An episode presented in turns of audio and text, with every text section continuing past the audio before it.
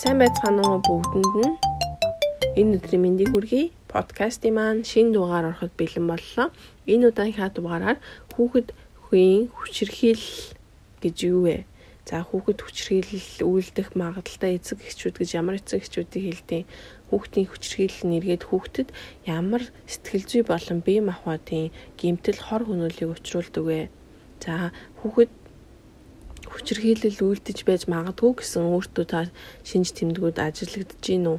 Эсвэл найз нөхөд гэр бүлийн хамаатан садан за бүр хөр шайлгий чинь хүн ч юм уу хүүхэд хүчирхийлж байгаа юм шиг танд санагдчихвэл ямар шинж тэмдгүүд илэрдэг вэ гэх мэтчлэн сэдвүүдийн талаар мэдээлэл хүргэхээр бэлтлээ.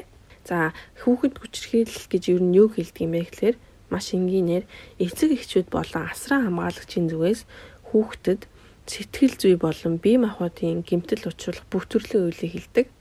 За э, хүүхдийн хүчирхийлэл гэдэг бол зөвхөн Монголд үзэгдээд байгаа асуудал биш. Дэлхийн нийтээрээ анхаарал хандуулдаг сэдвийн нэг байгаа. За тэгэхээр Дэлхийн эрүүл мэндийн байгууллагын тодорхойсноор бол энэ хүүхдийн хүчирхийлэлд юу хамгийн их нөлөөлөд байна вэ гэхлээр нэгдүгээрт эдийн засгийн хувьд хүмүүсийн ядуурлын түвшин хамааралтай, хоёрдугаарт тухайн хүний сэтгцэн эрүүл мэндийн байдал архиталт хар тамхины хэрэглээтэй шууд холбоотой гэсэн ийм тодорхойлтыг гаргасан байдаг. За тэрнээс гадна хүүхдийн хүчирхийлэлээр бас ойлгох ёстой нэг зүйл бол энэчээс соёлын алгаа гэдэг маш чухал үүрэг гүйцэтгэдэг. Жишээлбэл Азууд Европ твийнхнийг тий Европын соёл хэрэгжилтэй орнуудтай харьцуулахад жишээлбэл манай Монгол, Солонгос, Хятад, за Вьетнам зэрэг ихэнх Азийн орнуудын гэр бүлийн тогтолцоо, хүүхэд хүмүүжлийн арга тий уламжлал нь соёл бүх хүрээндээ Европын соёл иргэншлээс тэс өөр зүйлүүд маш олон байдаг. Тэр тусмаа хүүхэд хүмүүжлүүд аав ээж хоёрын хоорондох холбоо сэтгэл зүйн болон бие махбодын холбоо гэдэг зүйл маш өөрөөр хүлээн авч үздэг. За а гэтэл Европын орнууд болвол энийг хуулиараа бас арай өөр өөр заасан байдаг ч юм уу маш их ялгаатай байдаг. За жишээлбэл Маливийн энэ Африкийн орн гэж би санаж байна. Маливд бас соёлын ялгаанаас хамаарат маш олон ойролцоогоор 15 мянган охтыг шулмас гэж үзэж тэ гадуурхсан хүүхдийн хүчрхийлүүлсэн тэр ч байтга аминд нь халдсан юм гэргүүд гарч исэн байгаа. Тэгэхээр тухайн соёл иргэншил тэ тухайн нийгэм үндэсний соёлд ямар онцлог ойлголтууд байна гэдгээс хамаарат бас хүн хүүхдийн хүчирхийлэл гэдгийг хүмүүс хэрхэн хүлээж авах вэ гэдэг дээр бас жоохон жоохон ялгаанууд байдаг юм байна гэдэг юм ойлголт байна. За тэгээд хүүхэд хүчирхийлэл гэдэг чинь юу юм бэ гэдэг асуудал руугаа буцаад оръё. За хүүхдийн хүчирхийллийг ерөнхийд нь дөрвөн ангилалд хувааж авч үздэг. За нэгдүгээрт бие махбодын хүчирхийлэл. За энэ нь юу хэлдэг гэхээр хүүхдийн биед халдах бүх төрлийн үйлдэлүүдийг хийлдэг. За тэр нь өөрөөр хэлбэл эцэг эхчүүд болон асран хамгаалагчид за багш нарч бас үнд ордог өөрийн эрх мэдлийг ашиглан хүүхдийг удирдах гэсэн үндсэн хүслийнхаа доор хүүхдэд төгшүүр үүсгэх зорил төгшүүр үүсгэх тэр үйлдэлүүдийг хийдэг. За мөн дээрэс нь эцэг эхийн халуун дулаан хайр халамжийг өгөхгүй байхтай холбоотой үйлдэлүүдийг ч гэсэн энэ бие махбодын хүүхэд хүчирхийлэл гэж үздэг. За жишээлбэл хүүхдээ цохих, өшөглөх, алгадах, хазах, хоолойг нь боох, түлэх, хордуулах, за тэгэж үсдэх гэх мэтчлэн хүчирхийлэл агуулсан бие махбодын хүчирхийлэл агуулсан үйлдэлүүдээс гадна одоо хүүхэд хүсээг байхад хүчээр заавал хоол өгөх те төрөл бүрийн хоол хүнсний төрөлд орохгүй зүйлийг хүчээр идүүлэх гэх мэтчлэн. За дээрээс нь одоо тухгүй байдалд хүүхдийн гарыг өргөж зогсоодог ч юм уу хүүхдийг дээш нь харуулж хөвтүүлээд хөдөлж болохгүй ч гэдэг юм. За янз бүрийн тухайн хүүхдэд тавгүй сэтгэл төрүүлэх бүх төрлийн байрлалд байхыг шаардах гэх мэтчлэн үйлдэлүүд бүгдээрээ хүүхэд хүчрхийлэлд ордог юм байна. За тэгэхээр хүүхдийн хүчрхийлэлд орсон хүүхдүүдэд ямар шинж тэмдэг бие махбодын хувьд ямар шинж тэмдэг илэрдэг вэ гэхлээр түлэгдсэн тий яар шарах нь эдгээгүй. За эдгээг байхад дээрээс нь дахиж янз бүрийн шарах нөсөөнүүд бий болсон байдлууд за хугарсан ясны хугарал гэмтэл за тархины гэмтэл за бүр цаашлаад үхэлд хүрэх тэм гэмтлүүд ажиглагддаг байх нь. За тэгээд эдгээр хүүхдүүдэд хүүхдүүдийн аав ээж нар а за эсвэл асран хамгаалагчийн зүгээс энэ энэ хүүхэд хүчрхийлэл авцсан байна гэдгийг батлах сайн тохионууд байдаг. За нэгдүгээрт тухайн асран хамгаалагч юм уу эцэг их нь хүүхдийнхаа энэхүү гимтлийн талаар тайлбар өгөхгүй байх. За эсвэл бүр зохистой ойлгомжтой тайлбар өгч чадахгүй байх шинж тэмдэг илэрх юм бол энэ хүүхдийн хүчирхийлэл байна гэсэн тохио болж өгдөг.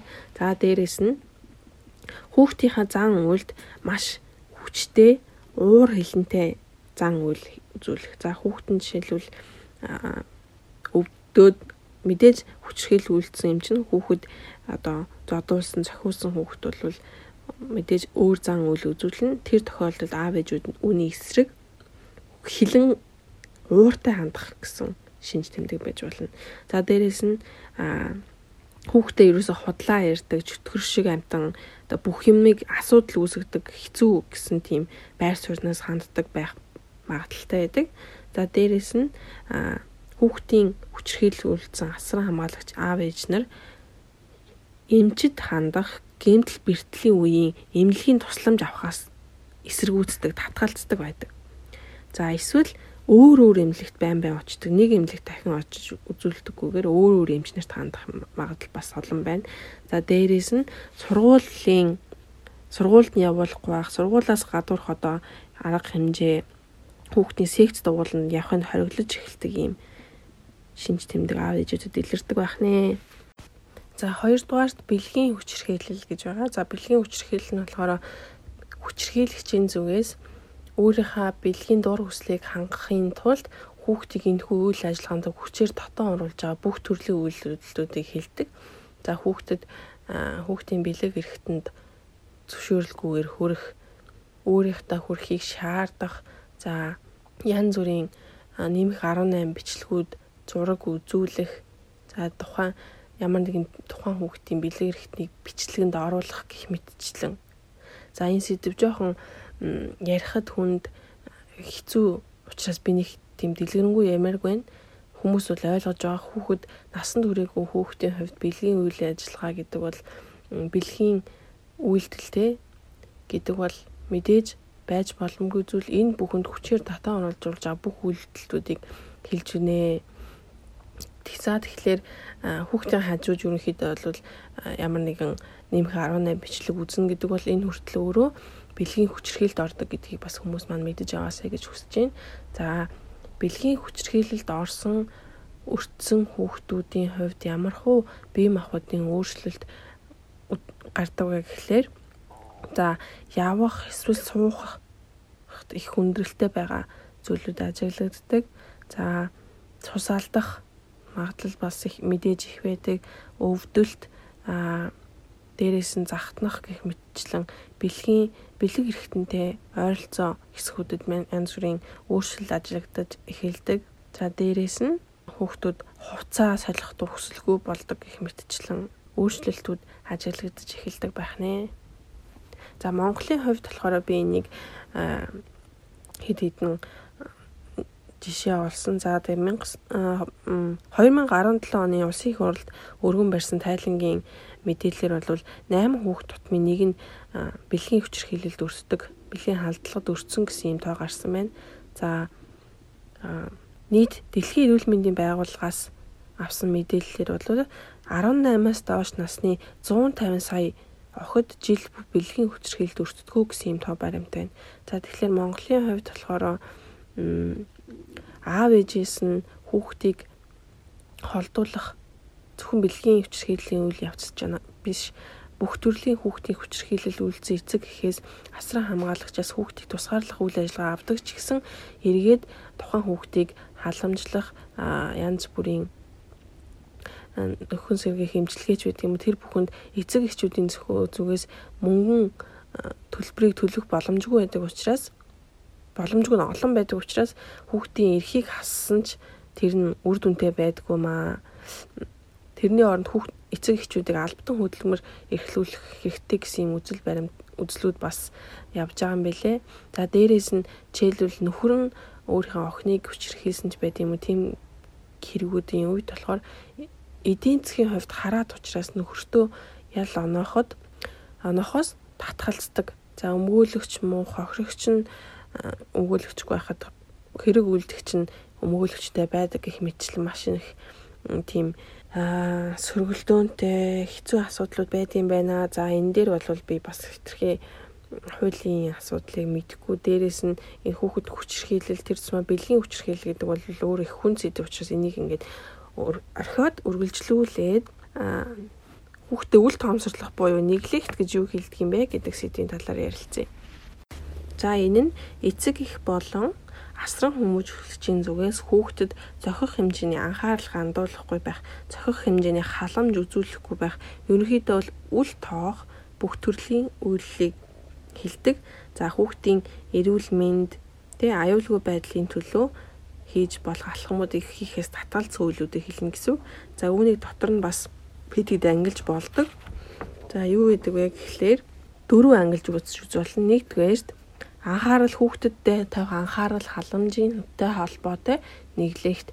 За тэр нь болохоор хүүхдийн одоо бие махбод болон физиологийн хувьд гэмтэл учрахад учрахаас хамгаалахаас татгалздаг. За дээрэс нь бэлгийн хүчирхээлэлд автж байна уугүй юу гэдгийг анхаарахаас татгалздаг гэх мэтчлэн анхаарал холбоо хамааралтай анхааралтай холбоотой асуудлууд байгаа. За түүний дараагаар бие махбодын үл тоомсорлол буюу хүүхдийн одоо жишээлбэл аюулгүй цэврийн орчинд хүүхэд өсөж тойрнох хөстэй байдалд энэтэй холбоотой бүх төрлийн шалгуурт тэнцэх хүлдлүүдийг хийхээс татгалздаг хийдэггүй байдаг. За дээрэс нь эрүүл мэндийн нэглэгт буюу эрүүл мэндийн үл тоомсорлол гэдэг нь тухайн хүүхэд ямар нэгэн өвчин туссан байдаг ч юм уу гэмтэж бэрцсэн үед эмнэлгийн үйлчлэгээ авахаас татгалзах За дээрэс нь хүүхдээ эмнэлэгт үзүүлэхгүй байх гэх мэтчний шинж тэмдгүүдийг үүнд хамруулж үзнэ. За хамгийн сүүлд нь боловсролын үл тоомсорлол буюу одоо эцэг эхийн зүгээс сургууль хуулиар хуулиар бидний одоо боловсрол эзэмших гэдэг чинь бол хуулиараа хамгаалагдсан үндсэн эрх нэх байхад хүүхдээ сургуульд явуулахыг явуулахгүй байх тий. За эсвэл сургуульд хэрэгцээтэй бүх төрлийн одоо хэрэгцээнүүдийг хангаж өгөхөөс татгалзах гэх мэтчлэн үйл ажиллагаануудыг үйлдэлүүдийг боловсролын эсрэг үл тоомсорлол гэж үздэг. За дээрэс нь хүүхдийн хэл яриа, анхаарал, ой тогтоолттой холбоотой янз бүрийн гэмтлүүд нь бол энэхээр эдгээр одоо үл тоомсорлолын үед үүсэх магадaltaй гэж үздэг. За дээрэс нь маш удаан урт хугацаагаар гэрт нь ганцаараа гинэрх хоол хүнс өгөхгүй байх ч байт юм уу эдгээр нь бүгдээрээ бас хүүхдийн хүчрхийлд ордог байх нь байна. Эцэг их асран хамгаалагчдын зүгээс хүүхдтэй үл тоомсорлох хүчрхийлүүлдэг байж магадгүй гэсэн эцэг эхчүүд болохоор нэгдүгээрт маш их сэтгэл санааны стресс, готрал, за эсвэл архины хэрэглээ эмийн зохист бус донтолт гэх мэтчлэн янз бүрийн асуудлууд үүссэн хүмүүс байх магадaltaй. Дээрээс нь хүүхдийн асуудлыг ерөөсөө асуудал гэж хүлээн зөвшөөрдөггүй. Эцэг эхчүүдийн онцлог байдаг. За дээрээс нь өөрийнхөө хүүхдийн тухай ойлголт нь илүү сөрөг хандлагатай байдаг. Хүүхдээ илүү төвхтэй гэж үздэг хүүхдээ өмнө түрүүн хэлсэнчлэн чөтгөр хэрэг үлдэгч тийм ээ одоо хэрэггүй хэмээн үзэх хандлага бас их ажиглагддаг юм байна. За дээрэс нь үндэ залгавлаад хүүхдэд ямар бие махбодын өөрчлөлт ажиглагддаг вэ гэдэг дээр мэдээлэл өгье. За нэгдүгээрт хүү тухайн хүүхэд хэрвээ үл тоомсорлох хүчирхээлэлд өртөж байгаа байвал байгааг илэрхийлэх хэд хэдэн шинж тэмдэг байдаг. Нэгдүгээрт тухайн хүүхэд бохир за дээрэс нь буруу хэмжээтэй за өөрийнхөө насанд таараагүй жижигдсэн эсвэл хэтэрхий томцсон хувцлалтай байх. За дээрэс нь тухайн улиралд огт зохицгүй зохицоогүй хувцалтай байх юм бол энэ бол бас нэглэгт буюу үл томсорлол хүчрхийлэлд өртөж байгаа гэсэн шинж тэмдэг болж өгдөг. Хан жишээлбэл зуны халуунд зузаан хувц өмсгсөн ч байт юм уу их хүүтэнд маш нэмгэн хувцлсан ч байт юм янз бүрийн нөхцөл байдалда зохицоогүй хувцлалт дээрээс нь тухайн хүүхдүүд ихэвчлэн их насандаа зохицоо насандаа байх ёстой хэмжээнээс намхан байдаг ч юм уу насныхаа хүүхдүүдтэй харьцуулахад их туранхай байдаг ч юм уу. За хөвчлэн ядарсан нойрмог тэгээ өлссөн байдалтай байх нь хүүхдийн үл томцорлох хүчрхийлэлд өртсөн байх шинж тэмдэгт хамаардаг байх нэ за дөрөвдүгээрт сэтгэл зүйн хүчрхийлэл гэж байгаа. Сэтгэл зүйн хүчрхийлэл нь болохоор эцэг их болон асран хамгаалагчийн зүйлээс зүгээс хүүхдэд хүүхдийн нийгмийн болон сэтгцийн эрүүл мэндийн хөгжилд нь гэмтэл учруулах бүх төрлийн үйлдэлийг хилдэг. За жишээлбэл үүнд ямар үйлдэлүүд ордог вэ гэхлээр хүүхдээ чангаар дуудах, чан хөтлөгөө ойрлж хашгирах, тэ эргээ хүүхдтэйгээ эргэн тойронд байгаа юмыг авч шидэх, эвдэж хэмглэх, за хүүхдийнхаа тижээж байгаа амтныг алах гэх мэтчлэн. За эдгээр нь болохоор ерөөдөө бас жоохон хүн сонсогдож магадгүй. А тэрнээс гадна бас хөнгөн хэлбэрээр хүмүүс өөртөө санаатай болон санамсаргүй байдлаар хүүхдээ сэтгэл зүйн хүчирхийлэлд өртүүлж байдаг байх нь байна. За түрүүний хэлсэн хүүхдээ үл тоомсорлоготой бас төстэй хүүхдийнхаа яриаг нь сонсохгүй байх эсвэл ярьж байхад нь дундуур нь тасалж өөр юм ярих гэх мэтчлэн үйлдэлүүд нь бас хүүхдийн сэтгэл зүйн хүчирхийлэлд ордог. За амлалтаа биелүүлэхгүй байх тухайн хүүхдэд чи бол хүсээгүй хүүхэд би чамд хайргүй ч гэдэг юм уу эдгээр үгсийг хэлэх нь хүртэл хүүхдийн сэтгэл зүйн хүчирхийлэлд ордог. Ямар төрлийн эцэг их хасран хамгаалагч нар хүүхдийн хүчирхийлэл сэтгэлийн сэтгэл зүйн хүчирхийлэл үлдэж байж магадгүй гэсэн шинж тэмдэгт болохоор а хүүхд лугаа ойрлж хашгирдаг. За эсвэл хүүхдтэй маш их шүүмжлэмтгий байдаг.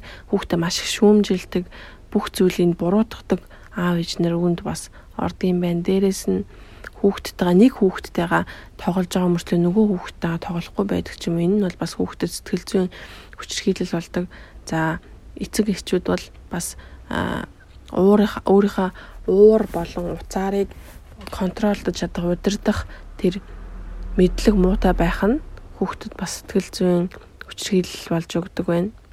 За мөн одоо бүрэн эмчлэгдэж амжаагүй сэтгэл зүй болон сэтгцийн эмгүүд болон архиталт нь эцэг эхчүүд хүүхдээ сэтгэл зүйн хүчрхийлэл үүсэх үндэс болж өгдөг байх нь байна. Дээрээс нь хүүхдэд сэтгэл зүйн хүчрхийлэлд автсан хүүхдүүдэд ямар бие махбодын шинж тэмдэг илэрдэг вэ гэхлээр нэгдүгээрт орондоо шээх нас одоо орондоо шийх нас нь өнгөрцөн мөртлөө орондоо шийгээд байх. За эсвэл янз бүрийн ярианы бэрхшээл үүсэх ярьж өөрийнхөө илэрхийлэхийг хүсэн юм а илэрхийлж чадахгүй байх арсны тууралт гарах мэтчлэн а дээрэс нь жингийн асуудал үүсэх гэх мэтчлэн бие махбодын хувьд иймэрхүү өөрчлөлтүүд ордог байх нэ. За үргэлжлүүлээд эдгээр хүчрхийллүүдийн ялгаан дээр суйрлаад ямар ямар сэтгэл зүйн хүндрэл гэмтлүүд үүсдэг вэ гэдгийг ярилцъя. За хамгийн ихэнд ярьсан хүүхдийн бие махбодын хүчрхийллийн үед болохоор хүүхдэд сэтгэл зүйн хувьд ямар гэмтэл учирч болдог вэ гэхээр нэгдүгээрт сэтгэл готролд орох, айдас төгшөөрт автах, За дээрэс нь хооллолтын эмгэгтэй болох хит их хоол идэх эсвэл огт хоол идэхгүй байх бүх төрлийн эмгийг хооллолтын эмгэгт хамааруулж үздэг. За дээрэс нь хувь хүний хувь хүний задрал буюу хувь хүний эмгэгт автах боломжтой. За дээрээс нь хар тамхинд донтох архиталтанд орох гэх мэтчлэн ирээдүйн амьдрал нэмэрхүү үр нөлөө үзүүлдэг юм байна. Homeless буюу орон гэргүүчүүд, ажилгүйчүүдийн тоо тэгээд эдгээрт хийсэн судалгаан дээрээс үзэхэд бага насндаа бие махбодын хүчирхийлэлд авч исэн гэсэн их судалгаа байдаг. За үргэлжлүүлээд аймтад бол найзуудтайгаа маш түрэмгий хандах хандлага зан үйлдэл болдог. Дээрэс нь хүчрхийлэл агуулсан зураг, зурах, хүчрхийлэл агуулсан яриа ярих гэх мэтчлэн үйлдэлүүд илэрдэг. Тэр мөн хар дарсан зүү зүүдлэх, за эсвэл нойргуудах шинж тэмдэг хүүхдүүдэд илэрдэг байх нэ зан үйлийн хувьд. Бэлгийн хүчрхийлэлд өртсөн хүүхдүүдийн хувьд зан үйл сэтгэл зүйн хувьд ямар өөрчлөлт ордог вэ гэхэлэр ер нь бол өөрийнхөө талаар төсөөлөл нь маш ядмаг болсон байдаг. Өөртөө итгэх итгэлгүй болсон байдаг. Маш их сэтгэл санааны хямрал төгшүүрт автсан байдаг томчуудаас эсвэл эсрэг хүсний хүмүүсээс маш их айх айцтай болсон байдаг.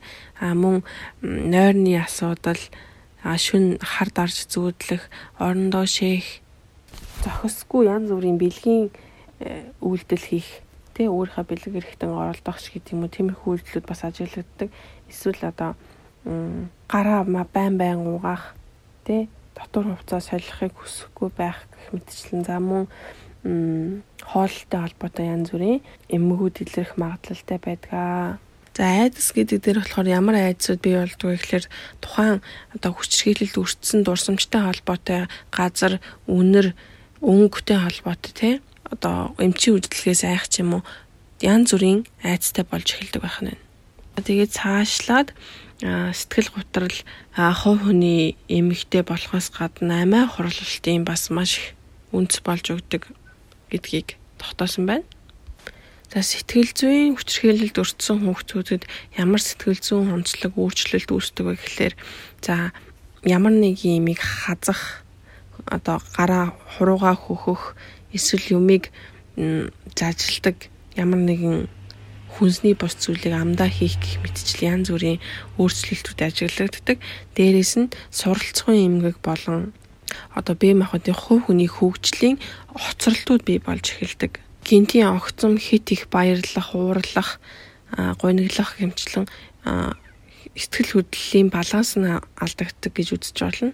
За дээрээс нь янз бүрийн айцууд, түгшүүрүүд, нойрны эмгэгүүд бий болдог байх нэ. За нийгэмшгүйтэй холбоотой янз бүрийн бас өөрчлөлтүүд үүсдэг. Тэр нь болохоор маш их хүчрхийлэлтэй холбоотой хүчрхийлэл агуулсан үйлдэл хийх. За дээрэс нь худлаа ярих, юм хулгайлах, худлаа ярих, юм хулгайлах гэх мэтчил үйлдэлүүд хийдэг. Энэ нь бүгдээрээ нийгэмшилтэй холбоотой, нийгмийн эсрэг хийж байгаа үйл явдал үйл гэж үздэг байгаа. За тэгэхээр саяны ярианаас бол төрөл бүрийн хүүхдийн хүчрхийлэл байдаг. За мөн түүний үр дагавар нь за би махбодын хувьд бол өөр өөр байж болох ч гэсэн сэтгэл зүйн хувьд нийлэн дийлэнхтэй хоорондоо давхцсан эмхэг гэмтлүүд үүсэж байгаа гэдгийг та нар анзаарсан бах. За тэгэхээр энэ ч бас нэг юмыг дурдах хэрэгтэй нь юу гэхлээр эцэг эхчүүд ихэвчлэн өөрийгөө хүчрхийлэл үлдэж байгааг тэр тусмаа сэтгэл зүйн хүчрхүүлэл үлдэж байгаагаа анзаарахгүй байх тохиолдол их байдаг.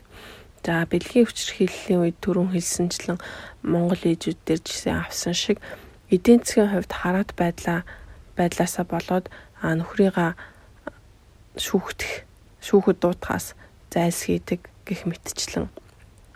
За янз бүрийн нөхцөл байдлаас хамаарат энэ бүгдийг өгөөсгдөг. За эсвэл тоохгүй байх үйлдэл ажиглагддаг. За тэгвэл эцсийн эцэд хохирж байгаа хүн хэн байдаг вэ гэхээр мэдээж хүүхдүүд л энд хохирж үлддэг. Том насан тухайн хүүхэд насанд хүрсэн хойноо амиа хорлох янз бүрийн хорт бодис архих тамхинд донтох магадлал за орон гэргүй ажил төрөлгүй байх за эсвэл нийгмийн эсрэг зан үйлдэл болоход бол бүх төрлийн хүчирхээллүүд нөлөө үзүүлдэг. Ихэнх эцэг эхчүүд хүүхдэд хүчрхийлэл үлдэхдээ хүүхдийнхаа буруу, хүүхдийнх нь хүүхд бол гай гэсэн үднээс хандаж харин эсэргээрээ хүүхдүүд энэ бүхэнд би буруутай гэж боддог. За аав ээжүүд нь өөрт нь хайртай, би аав ээжтэй хайрлагдаг, би тэдэнд хэрэгтэй гэж ойлгож хүлээж авдаг. Дээрээс нь а би аав ээжтэй шийтгүүлээд зодуулах ч үгүй юм намайг үл тоож байгаа нь би муу учраас миний буруу учраас би энэ бүхнийг хүртэх ёстой гэсэн байр сууриас ханддаг байх нь Жишээлбэл хүүхэд хамгаал нийгмийн халамжийн байгууллагаас хүчрхийлэл төрсэн хүүхдүүдийг тус байршуулах гэх мэтчил үйл ажиллагаа төхөх арга хэмжээг авахыг оролдохоор хүүхдүүд аав ээжээс салахад маш дургүй байдаг. Яагаад гэвэл аав ээж нь өөртөө хайрт нь өөрт нь хайртай дээрэс нь энэ бүхэн бол миний буруу гэж боддог учраас жишээлбэл би дахиж таныг уурлуулахгүй намайг битгий явуулаач дээж гэж гуйдаг ч юм уу аав ээжээс холдохдоо өөрийнхөө мэдэрч аасан мэдэрснээс илүүгээр бас тавгүйдэх хөшүүр мэдрэх магадлал маш их байдгийн байна. За тэгээд үргэлжлүүлээд эцэг эхчүүдтэй холбоотой хүүхдийн хүчирхээлэлд эцэг эхчүүд яагаад хүүхдийн хүчирхийлдэг вэ гэхэд тайлбарыг өгөхөр оролтё. За хүүхдийн хүчирхийлэл үйлддэг эцэг эхчүүдийг нэг үгээр тайлбарлахад маш хэцүү. Маш олон төрлийн нөхцөл байдал, олон төрлийн өнцгөөс харж тайлбарлах хэрэг гарна. За тэгэхээр олон жишээнүүд, олон нөхцөл байдлаас болоод хүмүүс хүүхдээ хүчрхийлдэг юм байна гэж сэтгэл судлаачид тий нийгмийн ажилтнаж үздэг. За нэгдүгээрт хүүхэд тухайн эцэг их нь өөрөө хүүхэд насндаа төрөл бүрийн ямар ч байж болно. Нэг төрлийн чиж болно, олон төрлийн чиж болно. Хүчрхийлэлд өртсөн байдаг. За эсвэл бие болон сэтгэл зүй эрүүл мэндийн түгшил за гэмтлийн дараах эмгэг гэж хэлдэг PTSD-тэй байх. За тухайн нийгэмтэй холбоотойгоор нийгэм эдийн засгийн стресс өндөр байх. За үүнд юуг авч үзэж вэ гэхлээр нэгдүгээр ажил үйлдэл за санхүүгийн хүндрэл за эрүүл мэндийн тогтолцооны асуудал гэх мэтэлсэн. За жишээлбэл өмнө хэлсэнчлэн сэтгэл зүйн эрүүл мэндийн асуудалтай сэтгэл төвшил сэтгэл санаагаар сэтгэл санааны готрал гэх мэтчлэн эмгэгтэй мөртлөө эрүүл мэндийн болон сэтгэл зүйн дэмжлэг авах боломжгүй байгаа эцэг эхчүүд үнд ордог. За дээрэс нь энэ бас их чухал асуудал. Тухайн хүүхдийн талаар хөгжлийн Хүүний хөгжлийн мэдлэг муутай байх гэсэн үг. За жишээлбэл 3-аас 4 нас хүртэл хүүхэд бол бусдын мэдрэмжийг бусдын юу бодож байгааг ойлгож тэр бүр чаддгүй. А гэтэл 3-аас 4 настай хүүхдэд хүүхдлөө ойрлж хашгичдаг ч байт юм хүүхдэд зодлоо гэхэд тухайн хүүхэд яагаад би зодуулж байгаа вэ гэдгээ ойлгохгүйгээр ойлгохгүй. А дээрэс нь яагаад манай миний аав ээж уурлаад байгаа гэдгийг бас ойлгохгүй учраас бүх юм өөрийнх нь буруу юм байна гэж хүлээж авахд хүрдэг гэх мэтчлэн. Тэгэхээр тухайн хүүхдийг хүүхэд хүмүүжлүүлэхэд те хүний хөгжлийн мэдлэг хүүхэд хідэн наснда юуг ойлгодог болох юм хүүхэд хідэн нас хүртэл нь те одоо жишээлбэл би 3 настай хүүхдээ бид нь гэмтэл авчруулах хэмжээний зодлоо хүчрхийлэл үйлдэлээ гэдэг энэ хүүхэд юуг ойлгож чадахгүй үгүй вэ гэдгийг мэдэхгүй байгаа нь бас хүмүүсийг хүчрхийлэл үйлдэхэд нөлөөлдөг гэж үздэг. За дээрэс нь хүүхэд өсгөх талаар мэдлэг дутуу байдал. За энэ бол мэдээ саяны хүүхдийн хөгжлийн мэдлэгтэй маш холбоотой. Дээрэс нь одоо жишээлбэл ганц бие ээжүүд ч бай тийм үү ганц бие хүмүүс за эсвэл бүр өргөмөл аав ээжүүдэд хүүхдээ өргөж авсан аав ээжүүдэд энэ хамааралтай байх хүүхэд төсөхтэй холбоотой мэдлэг дутуу хин нэг нь хажууд нь хамтарч те тусдын үзүүлэх хамтарч хүүхэд өсгөхөд тусламж дэмжлэг үзүүлэх хөнгүй тохиолдолд энэ бас эргээд стресс болж өгдөг. За мөн дээрэс нь эцэг эхчүүдийн хоорондын харилцаа за тэгээд хүчрхийлэл За хүүхэд хүчрхийлэлээс гадна гэр бүлийн хүчрхийлэл domestic violence гэдээ бас тустай юм байгаа. Тэгэхээр одоо аав нь ээжийг нь хүчрхийлдэг байлаа байхад ээж нь хүүхэдтэй хүчрхийлэлдүүлэх магадлал бас өндөр болж эхэлдэг. Тэгэхээр гэр бүлийн хүчрхийлэл дээрээс нь гэр бүл салалт гэдэг бол хүүхдэд хүчрхийлэлүүлдэх бас том шалтгааны нэг болж өгдөг байх нэ. За мөн бас нэг чухал шалтгаан гэдэг нь болохоор сэтгцийн сэтгцийн эмгэг байгаа. За та та бүхэн сүлд гарсан Joker гэх киног үзсэн бол бас мэдж байгаах тухайн хүүхэд бага насндаа ямар гэмтэл үзсэн эргээд насанд хүрсэн хойноо нийгэмтэй дасан зохицоход яаж нөлөө үзүүлж байна. За эрүүл бус эцэг эхийн гар дээр өссөн хүүхдүүд ямар хүмүүжил, ямар сэтгэл зүйн эмхийг бий болгож байна гэдгийг харуулсан кино байгаа. За тэгэхээр үүнийг үзсэн хүмүүс бас энийг сайн ойлгох хаа гэж бодож байна. За түрүүн бүх төрлийн хүчирхийллийн үед би ямар ээж аавууд ямар асран хамгаалагч нар энэхүү хүүхэд хүчирхийл үйлддэг байж магадгүй гэсэн онцлог шинжүүдийг дурдсан дахиад энэ дээр нэмээд баттгаад хэлэхэд а хүүхдийнхаа ямар нэгэн асуудал өөрчлөлтийг үл ойшоодог эсвэл энийг үгүй гэж эсэргүүцдэг.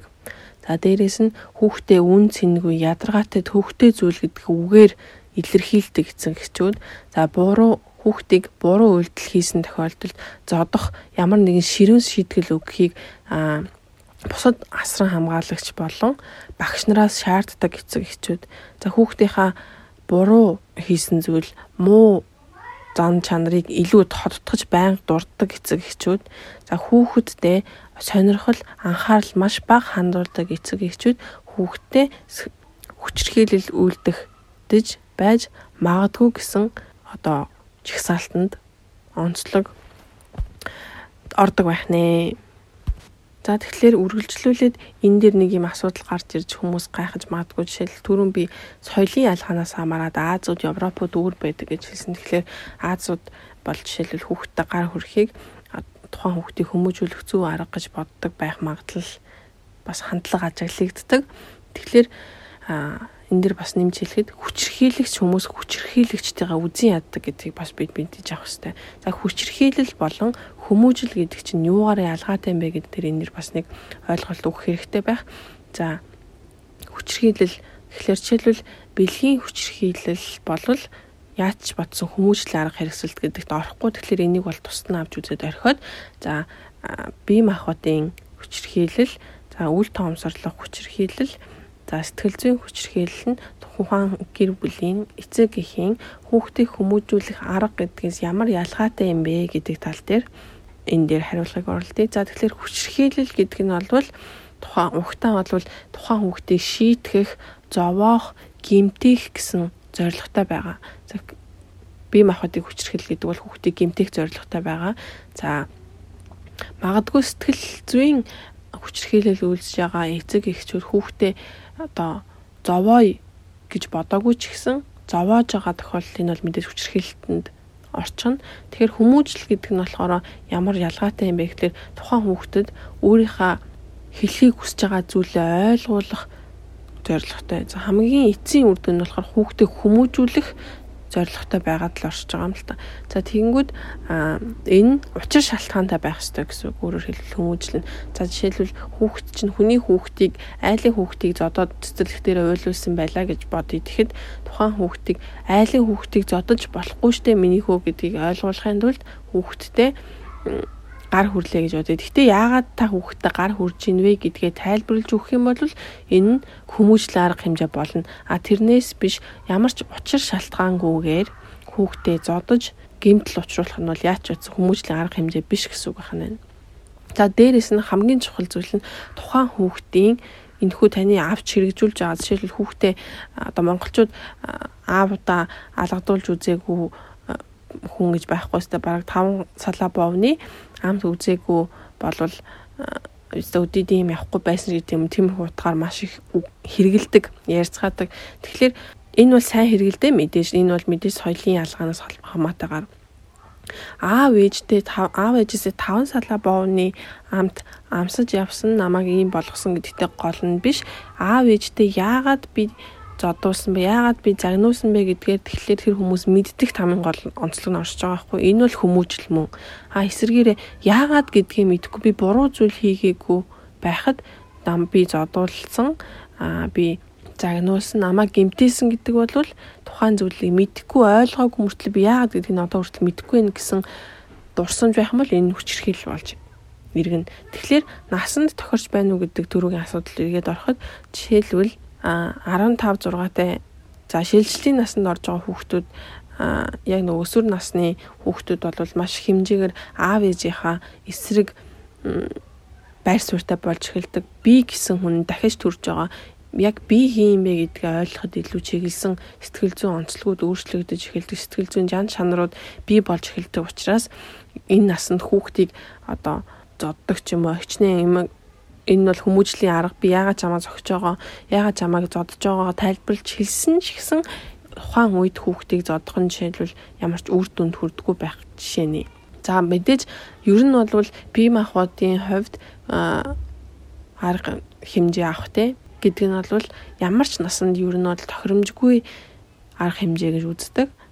Тийм учраас тухайн хүүхдийн за жишээлбэл түрүүн хэлсэнчлэн бага насны хүүхдлөө хичнээн ойрлж хашгираад байлаа гэд яагаад гэдгийг таны юу мэдэрч байгаа хүүхд чинь сайн ойлгохгүй байгаа учраас таныг ориллоо гэж тэр хүүхдэд ямар ч хүмүүжил болохгүй. Тийм учраас яагаад минь үүнийг хийж болохгүй юм бэ? Яагаад би ууралж байгаа вэ гэдгийг хүүхдэд ойлгуулж хэлсэн илүү ойрлж хашгирах хүүхдэд зодхоос илүү үр дүнтэй байдаг. Тийм учраас энэ хүү арга хэмжээнүүдийг авах хэрэгтэй. Тэгэхээр тухайн өөрийнхөө хүүхэд хүмүүжүүлэх гэдэг бол мэдээж бас хүнд ажил. За би хүүхдгүй ч гэсэн ерөөхдөө манны найз найз нөхөд эргэн тойрныхан за би өөрөө мэдээж хүүхэд байсан аав ээжийнхаа одоо туршлагаас авч үзэх юм бол хүүхд хүмүүжүүлнэ гэдэг бол хүүхд өсгөнө гэдэг бол мэдээж ажралтай үйл явц байх. А тэгтээ тэрнтэйгээ адилхан эргээд маш хүнд давж гарахад хэцүү үйл явц байдаг байх гэж бодож юм. За тэгэхээр хүүхдтэй эцэгчүүд маань ч гэсэн үүнтэй санал нийлэх баг. Тэгэхээр бид нэр хүүхд эцэг эхчүүд хүүхдтэй хүүхдтэй хүмүүжүүлж ийн гэж бодоод хүчрхийлэл үйлдээд байх магадлалтай ийм нөхцөлд хүүхдүүдийн талаар хүний хөгжлийн талаар чухал мэдээлэлтэй болгох нь илүү чухал байдгийн мэн шүү гэдгийг. За дээрэс нь хүмүүжил гэдэг чинь учир шалтгаантай ойлгуулах гэсэн үйл явц байдаг юм шүү гэдгийг нь хүчрхийллээсээ ялгаатай байдсан байна гэдгийг мэдэж аваасаа гэж хүсэж байна. За үргэлжлүүлээ сэтгэл зүйн хүчрхийлэл үүлддэг байх магадaltaй ээжүүдэд гардаг онцлогуудыг би дурдъя гэж бодож байна. За нэгдүгээрт хүүхдээ сэтгэл зүйн хүчрхийлэл үүлддэг ээжнэр маш их шүүмжлэгч байдаг. Бүх юмыг хит шүүмжилдэг. За цохих хэмжээнд жишээлбэл болохгүй зүйлд нь за энэ зүйл болохгүй шүү гэдэг тий ийм байвал болохгүй гэсэн шүүмжлэмж шүүмжлэгч за эсэргүүцэх хандлага ажиглагдаж болно.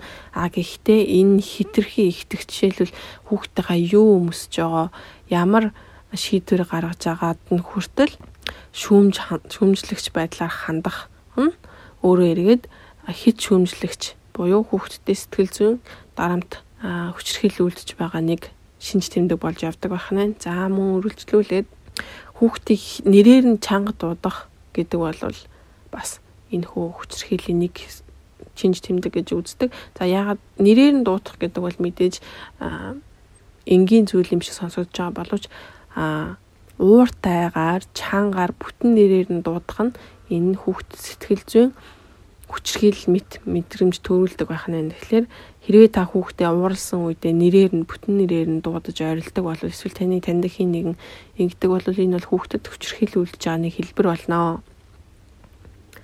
За тэгээд мөн өөрийнхөө эрх мэдлийг тэ ээж гиндэг эрх мэдлийгээ дээшлүүлэхийн тулд хүүхдэд байгаа бодит мэдээлэлтүүдийг бодит мэдээлэлд өөрчлөлт үүсгэх, эргэлзээ үүсгэх үйл явдал. Тэ жишээлбэл одоо одоо өвлийн өвөө гэж байдаггүй байдаг гэд хүүхд болон мэдээж өөр өөр ингэсэн ойлголттой байгаа. Тэнгүүд ээж эсвэл аав ч гэж болно л доо.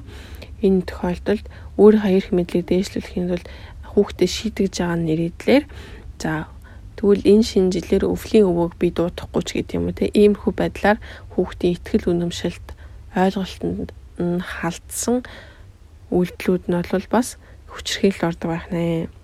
За дээрэс нь өөрийнхөө хүүхэлдээ мэт байдлахыг хүсдэг аав ээжүүд бол хүүхдэд сэтгэл зүйн хүчрхийлэл үйлдэж гин гэсэн үг юу гэсэн үг вэ гэхээр өөрөөр хэлбэл хүүхдийнхаа зүгээ хүүхдийн зүгээс ээжээсээ хүсэж байгаа зүйл нь ойлгомжтой байсаа жишээл ээж надтай ярилцаас ээж намайг хайрлаасаа гэж хүсэж байхад энтэй эсрэгээр өөртөө хам хүүхдээ өөрт нь хамааралгүй байхыг хүсэх хүүхдээ залтай эрх мэдлэнд дэнтсэн одоо хитрхи эрх дэндүү эрх чи надаас хол байж гэдэг юм уу иймэрхүү байдлаар хүүхдтэй хандах нь хүүхдийнхээ энэ хүсэл хайр халамжийг эсэргүүцэх энэ үйлдэлүүд нь бол бас сэтгэл зүйн хүчрхийлэл ордог байх нэ. За дээрээс нь хүүхдээ шоглох, шоглох, доог дохуу хийх нь бас энэ хүчрхийлэлд ордог. За 10 жилийн хүүхдүүд одоо би бинэ буллинг хийх буюу гадуурхаж тоглох, дээрлэхэхтэй төстэй байдлаар ээж аав нь хүүхдтэй ингэж хандах нь бол бас сэтгэл зүйн дарамт болдог хүчрхийлэл болдог байх нь. За дээрэс нь эцэг эхчүүд өөрийнхөө негатив буюу сөрөг мэдрэмжийг хүүхдийнхаа буруу мэд хүүхдэд ойлгуулах нь хүчрхийлэлд ордог. Өөрөөр хэлбэл жишээлбэл өнөөдөр ажил нь бүтлгүүдэд ажлын хүндээ тэйга муудалцсан ч байд юм уу? Одоо зам дээр төгжирсэн тийм Монголд маш их байдаг жишээ шүү дээ. Зам дээр төгжрээд осол осол хороогүй ч гэсэн за хажууд талын машины жолоочтой хэрэлдсэн тэр уураа хүүхдтэй гаргаад түүнийгээ хүүхдийнхээ буруу юм шиг ойлгуулах нь бол бас хүчрхийлэлд ордог байх нэ. Тэгэхээр гэртээ ороод тэг гэртээ орохоос өмнө ууртай байлаа гэж бодоход тэр уураа хүүхдтэй гаргаж болохгүй байх нэ.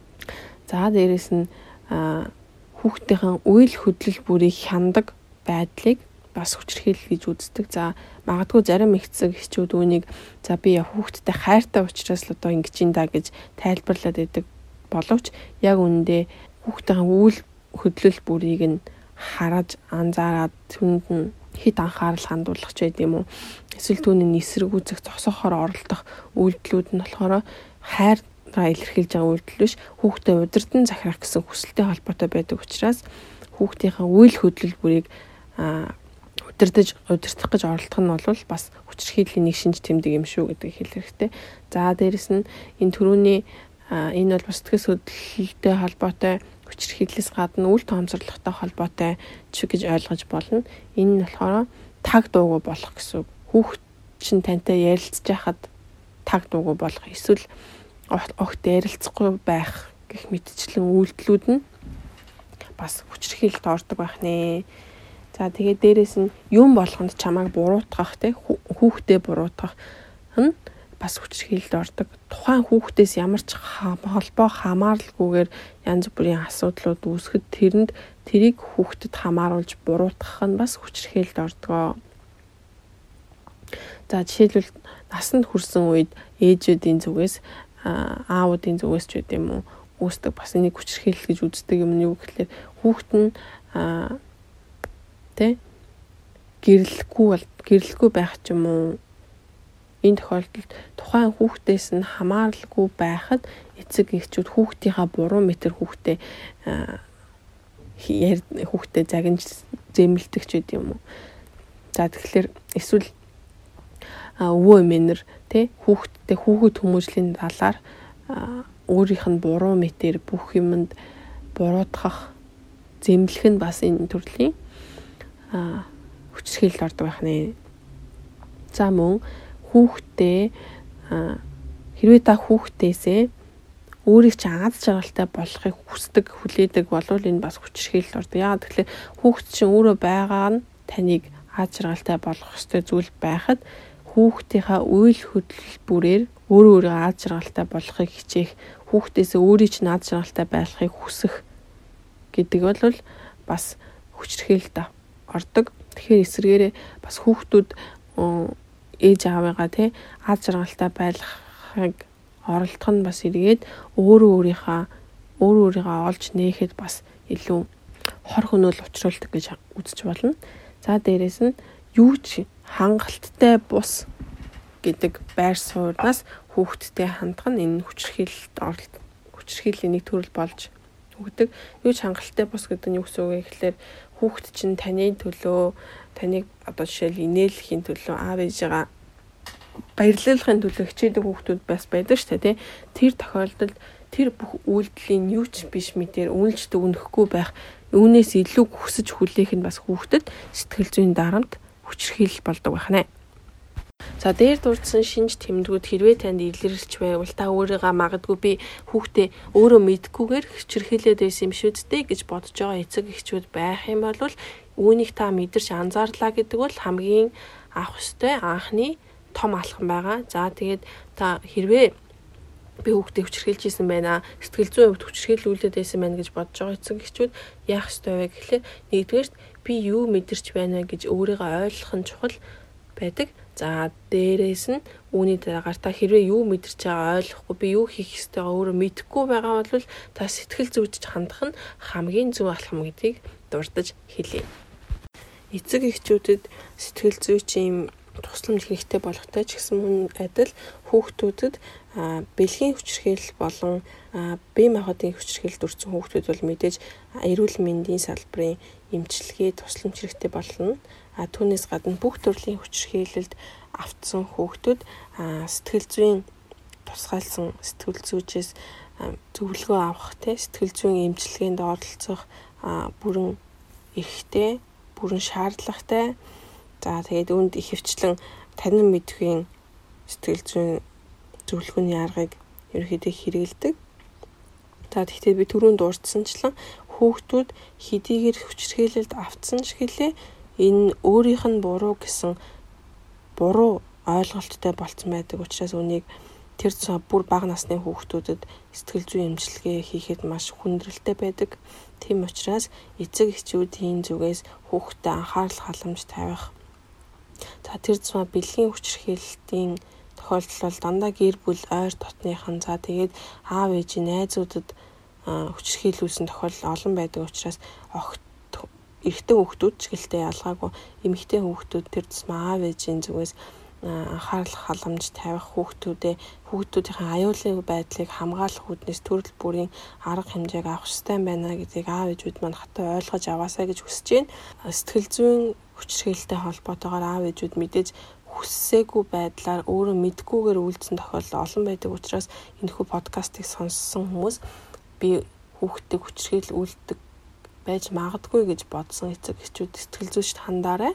За эсвэргээрээ иймэрхүү хүчрхийл үлддэггүй байвал мэдээ цаана. Гэхдээ иймэрхүү үйлдэлтэй гаргах юм бол энэ хүүхдэд сэтгэл зүйн хувьд хүчрхийл болох юм биш үү гэдгийг ойлгож аваасай гэж хүсье. За өнөөдрийн маань подкаст ингээд энэ түрээд өндөрлж байна. Санал хүсэлтэд харамгүй комент хэсэгт бодлого хуваалцаарай.